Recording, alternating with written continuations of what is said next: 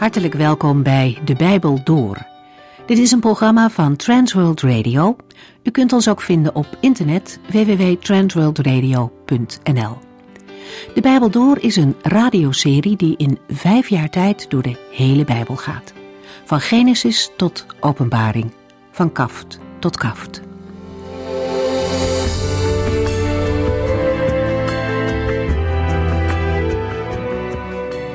We lezen in deze weken het boek Jesaja.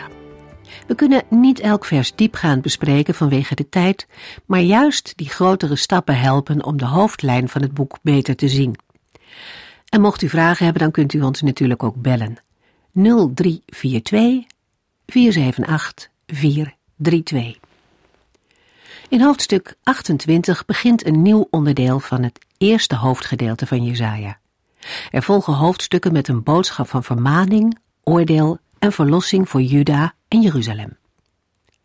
Jezaja geeft aan dat het dwaas is om te vertrouwen op andere volken in plaats van op de Heere God. Het gebrek aan vertrouwen maakt dat de vloedgolf die Jezaja voorspelde op het punt staat Juda te overspoelen. Het zal bijna in Assyrische ballingschap gaan. En die gebeurtenis moet voor Juda een waarschuwing zijn en een vooruitblik op wat er met hen zal gebeuren als zij niet op de Heere vertrouwen. Jezaja begint met een schets van Juda's buurland. Vaak is het niet zo moeilijk om te zien wat een ander verkeerd doet. Het kan iemand een goed gevoel geven alsof hij beter is. Maar Jezaja gaat meteen door, in Juda is het niet veel beter. Dronkenschap is aan de orde van de dag en de leiders willen zich niet laten corrigeren door het woord van de profeet. Ondanks hun dronkenschap gaan priesters en profeten door met hun werk. Het is niet moeilijk om te begrijpen dat dronken priesters en profeten er dus een potje van maken. En dat terwijl ze bezig horen te zijn met de dingen van de Heere God. In plaats van het volk te leiden op weg naar de Heere God, dwalen zij af van God en nemen het volk daarin mee. Ze spotten met God. Maar ook al spotten zij met Gods woorden, dat verandert niets aan de waarheid van het woord. Het oordeel zal komen en daarom moet Jezaja de leiders van Jeruzalem aanspreken. Wat een eenzame positie had die profeet van God vaak. En toch bleef hij trouw aan het woord van God. Hij bracht het aan een volk dat niet wilde luisteren. We gaan vandaag verder in Jesaja 29 vanaf vers 5.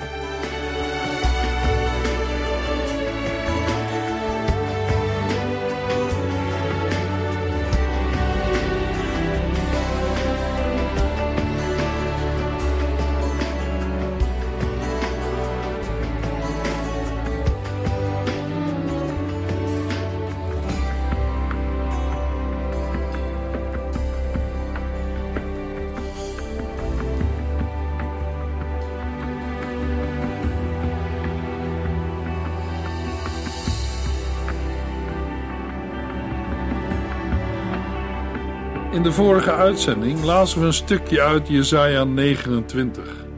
Wanneer de gelijkenis in Jesaja 28 vers 23 tot en met 29 nog maar net is uitgesproken, herhaalt Jesaja het wee over een stad. De geadresseerde is dit keer Jeruzalem, in de Hebreeuwse tekst aangegeven met Ariel, wat vuurhaard betekent. Dat het om Jeruzalem gaat, wordt ook bevestigd door de toelichting die volgt. Het gaat om de stad van David. Met Ariel of vuurhaard wijst Jezaja op het hart van het altaar, waar altijd vuur brandde. Het vuur was het symbool van Gods aanwezigheid in de eredienst. Jezaja 29 vers 1 Wee Jeruzalem, de stad van David, jaar na jaar brengt u uw vele offers, maar ik zal een gericht over u laten gaan. U zult huilen en veel verdriet hebben. De inwoners van Jeruzalem waren trots geworden en dachten dat zij onaantastbaar waren. Maar deze trotse houding is onterecht. Jesaja 29 vers 2 tot en met 4 Want Jeruzalem zal dan haar bijnaam vuuraltaar eer aandoen. Het zal een altaar worden dat bedekt is met bloed ik zal uw vijand zijn. Ik zal Jeruzalem omsingelen en haar belegeren met forten om haar te vernietigen, zoals eens David deed. Uw stem zal als een geest vanuit de aarde fluisteren, als u zich onder de grond verstopt. De stad zelf, vuurhaard in brede zin, zal namelijk door de Heer in het nauw worden gedreven. De zegen die God schenken wil, is niet af te dwingen door een feest of een godsdienstige handeling. Nu blijkt de trots van Jeruzalem reden voor de Heere om zich tegen de stad en het volk te keren. Hun spottende woorden zullen niet langer klinken. Zij zullen alleen kunnen fluisteren, omdat ze vernederd zijn en zich in het stof hebben neergeworpen. Jesaja 29 vers 5 tot en met 8 Maar plotseling zullen uw meedogenloze vijanden worden weggedreven, als kaf in de wind. In een oogwenk zal ik, de Heere van de hemelse legers, mij op hen werpen met donder, aardbevingen, wervelwinden en vuur. Alle volken die Jeruzalem bestrijden, zullen als een droom verdwijnen. Zoals iemand die honger heeft van eten droomt, maar toch hongerig blijft. En iemand die versmacht van de dorst, over drinken droomt, maar nog steeds dorst heeft als hij wakker wordt. Zo zullen uw vijanden dromen van een glorieuze overwinning en er geen behalen. In vers 5 is er sprake van een plotselinge ommekeer. Het oordeel zal komen, maar de vijanden die het oordeel komen uitvoeren, worden verjaagd met het gemak waarmee de wind kaf wegblaast. Zelfs als het oordeel komt, is er bij de Heren nog verlossing mogelijk. De vijandelijke legers die Jeruzalem hebben belegerd, zullen niet succesvol zijn. Ze lijken op een droom, die bij het ontwaken alweer snel is vergeten. Bij deze woorden moeten we denken aan het wonderlijke einde van het beleg van Sanherib voor Jeruzalem. Jesaja 37. Jesaja 29 vers 9 tot en met 12. Verbaast u dat? Gelooft u het niet? Ga uw gang dan maar en wees blind als u dat wilt. U bent dronken, maar niet van het drinken. U waggelt, maar niet door de wijn. Want de Heere heeft een geest van diepe slaap over u uitgegoten. Hij heeft uw ogen, dat zijn de profeten en uw geestelijke leiders, gesloten, zodat al deze toekomstige gebeurtenissen een gesloten boek voor hen zijn.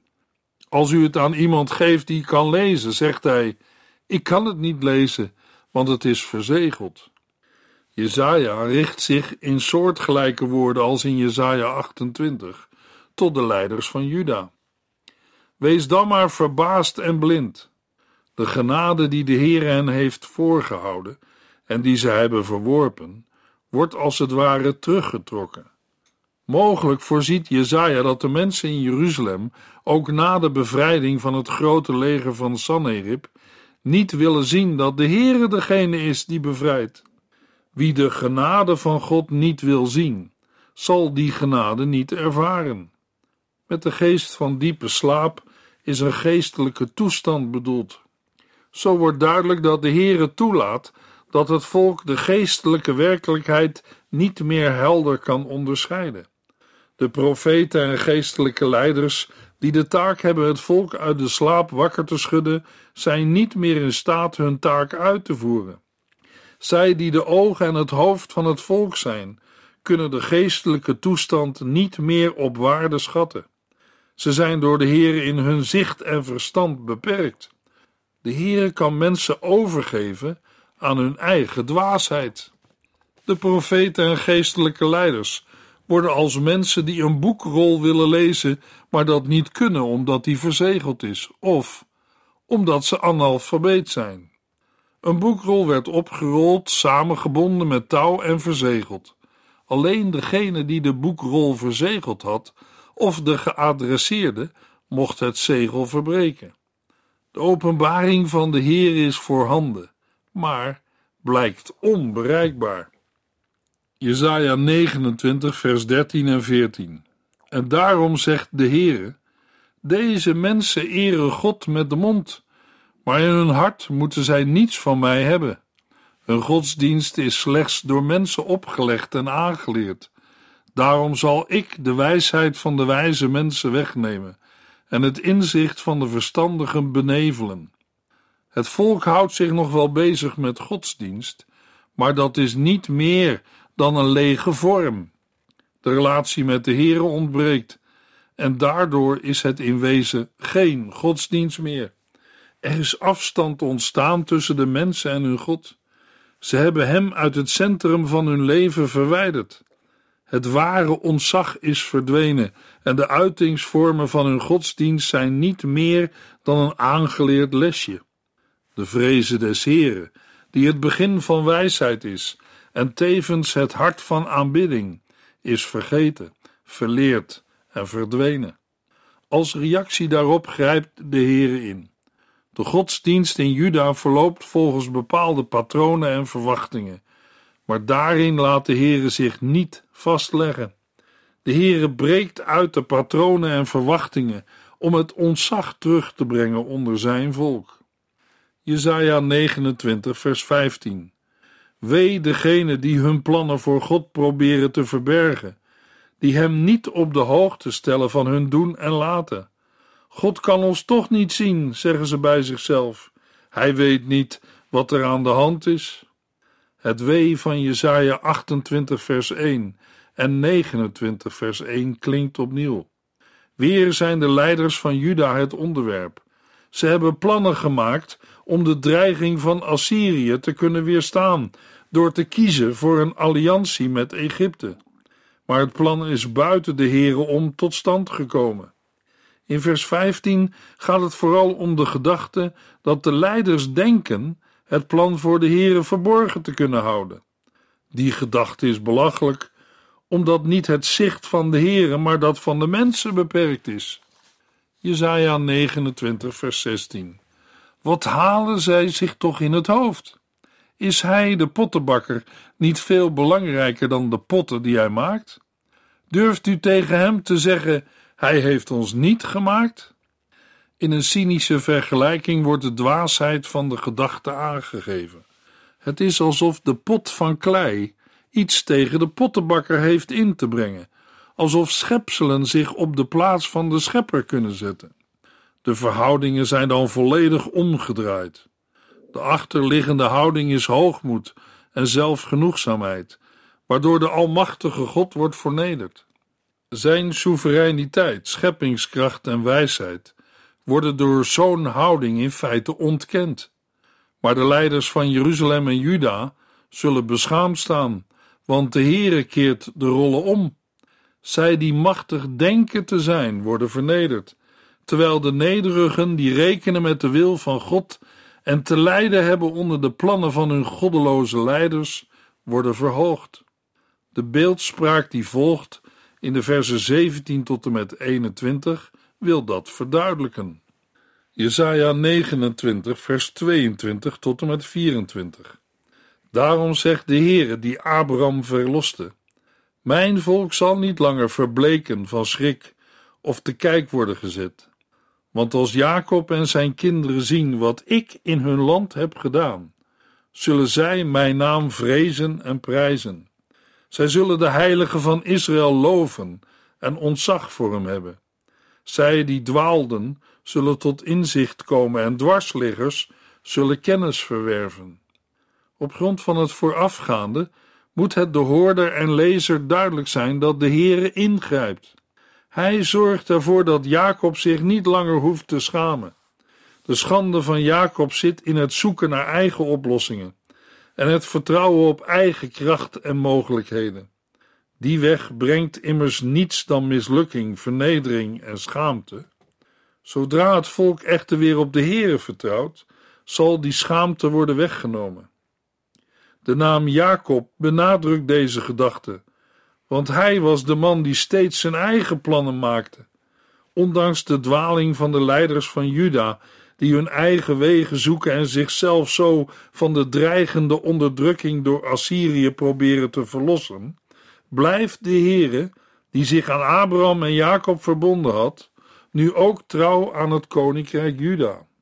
Er zal weliswaar een oordeel zijn over hen die plannen hebben gemaakt buiten hun God om, maar de gevolgen daarvan zijn niet blijvend. Het volk zal opnieuw tot de Heere in de juiste verhouding komen. Luisteraar, laten wij onszelf afvragen of wij de Heere echt dienen of alleen met onze lippen en niet met ons hart? Horen wij bij de mensen die denken dat hun plannen voor de alwetende God verborgen zijn? De schepper van hemel en aarde kent zijn schepselen. Hij weet alle dingen. Daar hoeft u niet bang van te worden. Maar het mag u, jou en mij ertoe brengen eerlijk en oprecht Hem te zoeken en te dienen. Want wat er ook gebeurt, de Heere zal uitkomst geven. Ook al verdient zijn volk die genade niet. Het heeft allemaal tot doel dat de Heere, de Heilige van Israël, gediend zal worden. Zo worden mensen, toen en nu, door dreiging en belofte gesteld voor een beslissende keuze. We gaan verder met Jesaja 30 en 31. In Jesaja 30 en 31 vervolgt Jesaja zijn serie met weeklachten. Jesaja klaagt over het volk dat op Egypte wil vertrouwen. Het oordeel wordt aangezegd, maar zal niet zo ver gaan dat er geen verlossing meer mogelijk is. Ondanks het feit dat het volk de Heere niet zoekt, blijft de Heere zijn volk uitdagen en uitnodigen om wel op hem te vertrouwen. In de tijd waarin Jezaja deze dingen profeteerde, overwonnen de Assyrische legers allerlei volken.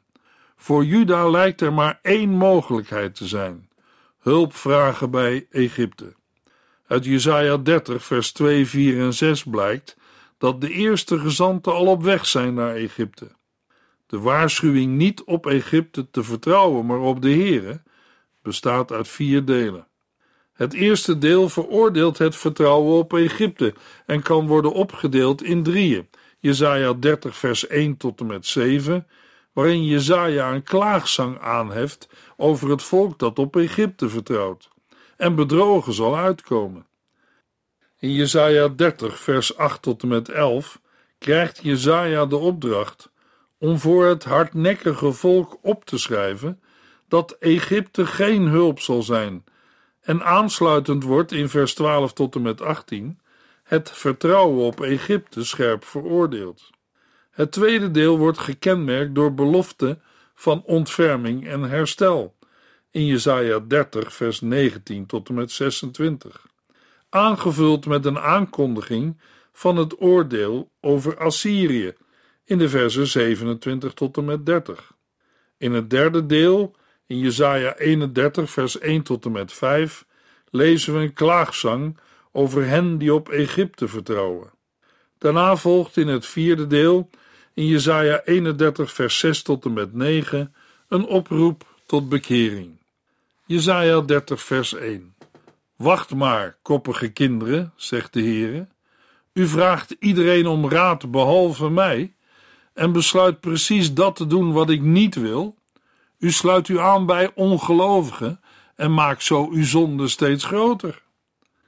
Net als in Jesaja 28 vers 1 en Jesaja 29 vers 1 en 15 begint Jesaja met het dreigende wee of wacht maar koppige kinderen. Juda had een plan gemaakt dat niet met Gods wil overeenstemde en ook niet was ingegeven door Gods geest.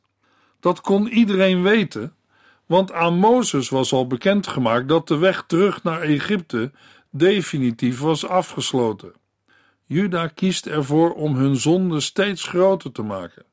Het wijst op de neiging om een begane zonde eerder te bedekken met een andere zonde dan om schuld te beleiden.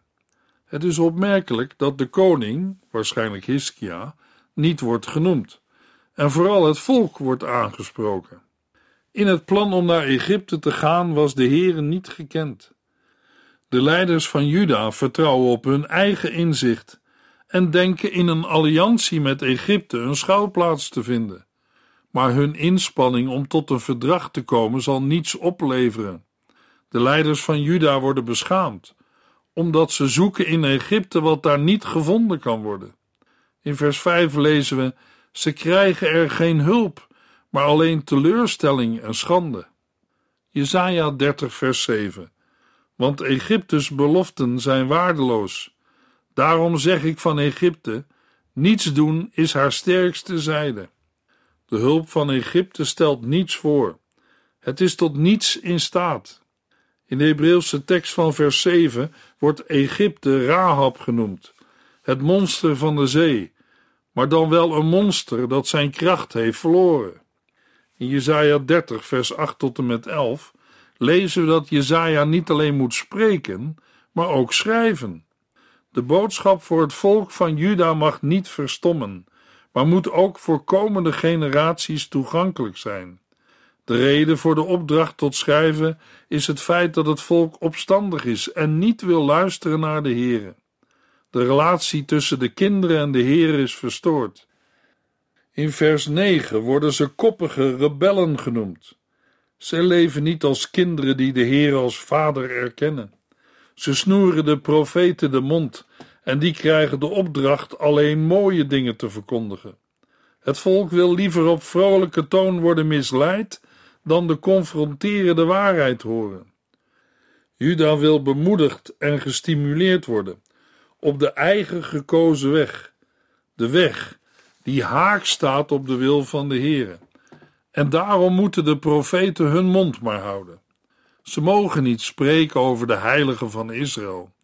Maar luisteraar, dat was nu juist de taak van een profeet.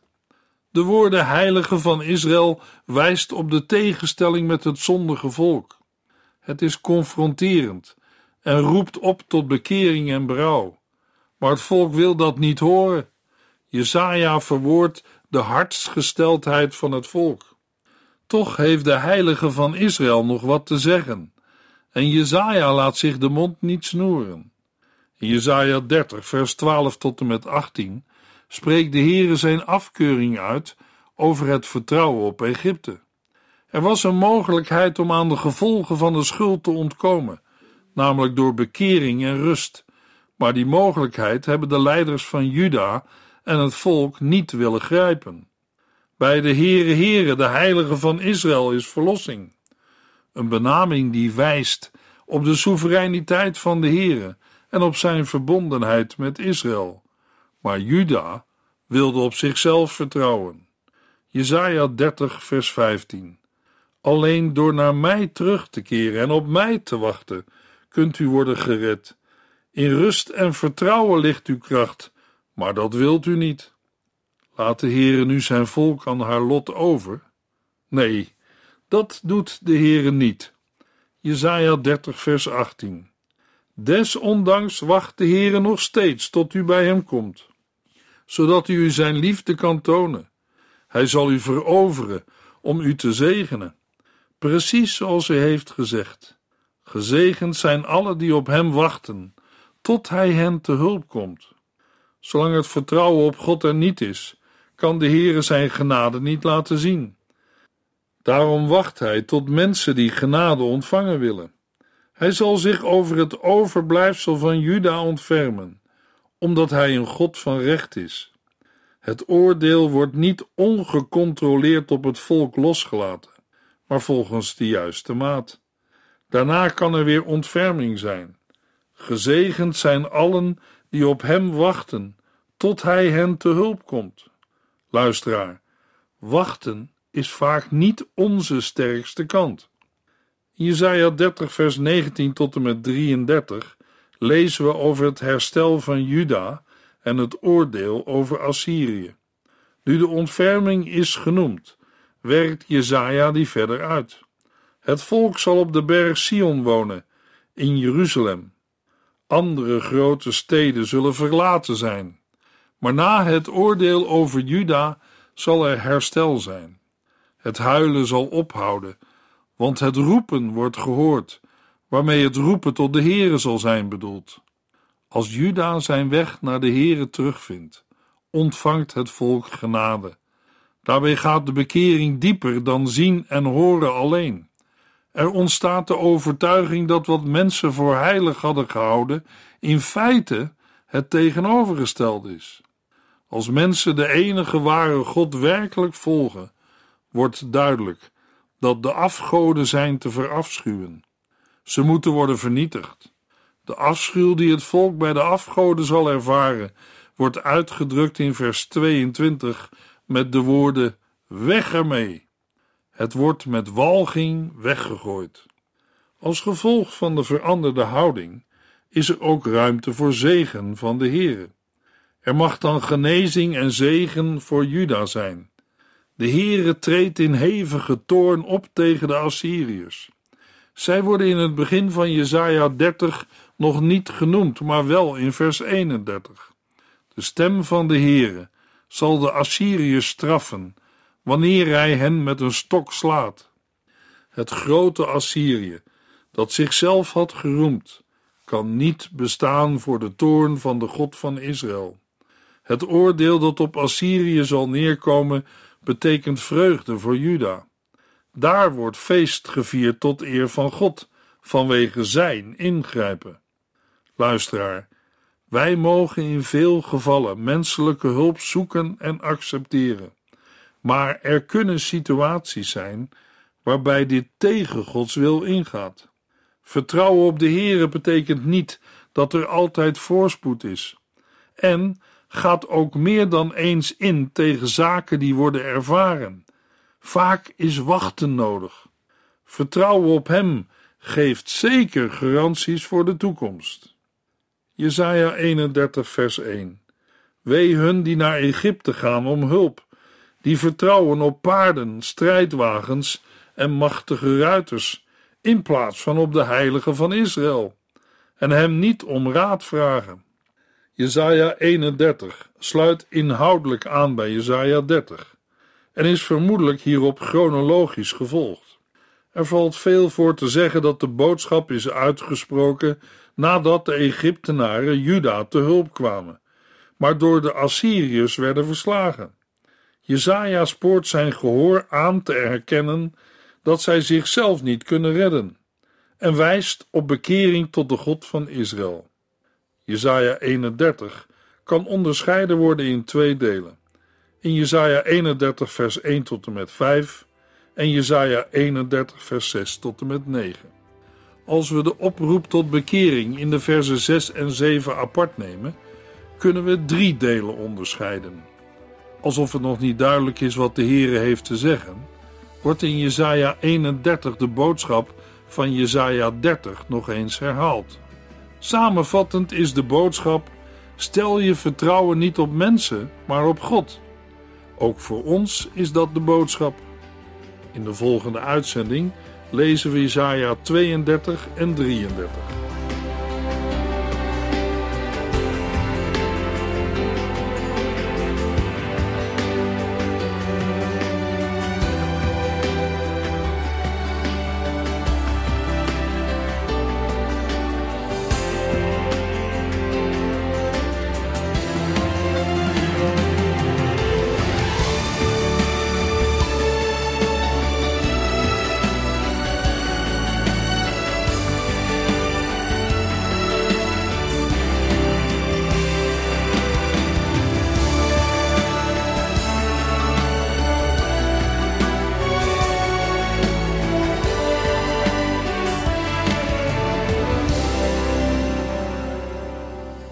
Eindigt deze aflevering van De Bijbel Door. Een serie programma's van Transworld Radio. Wilt u ons iets vragen of meer weten? Dan kunt u altijd contact met ons opnemen. Bellen kan overdag met 0342 478432. Per post Transworld Radio. Postbus 371. Postcode 3770. Anton Johannes in Barneveld. En e-mailen kan ook. De Bijbel door at transworldradio.nl En natuurlijk ook via onze website transworldradio.nl Dit programma werd gepresenteerd door Cor Weda en Ike André. En namens iedereen die er nog meer aan meegewerkt heeft, graag tot de volgende keer.